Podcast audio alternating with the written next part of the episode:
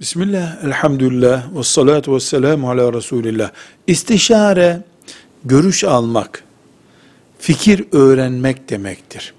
Kimin fikri varsa, istişare edilecek birikimi varsa, o ona sorulur. İstişarede, kadın ve erkek ayrımı yoktur.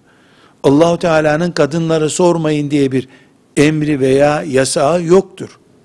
Özellikle eşler, birbirlerine istişare etmelidirler. Kadın sormalı, öğrenmeli, erkek kadına sormalı, öğrenmelidir. Resulullah sallallahu aleyhi ve sellem Efendimizin kaç tane örneği var?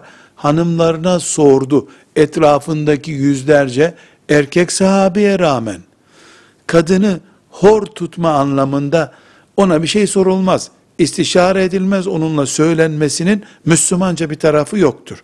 Ama kadına anladığı şey sorulur. Sadece erkeğin eşidir diye ticaretten, siyasetten, ziraatten her şeyden ona sorulacak diye bir şey yok. Kadının uzmanlık alanı olabilir. Kadın o işte birikimi olabilir. Sorulur, gör, görüşüne saygı gösterilir. Müslümanca olan budur.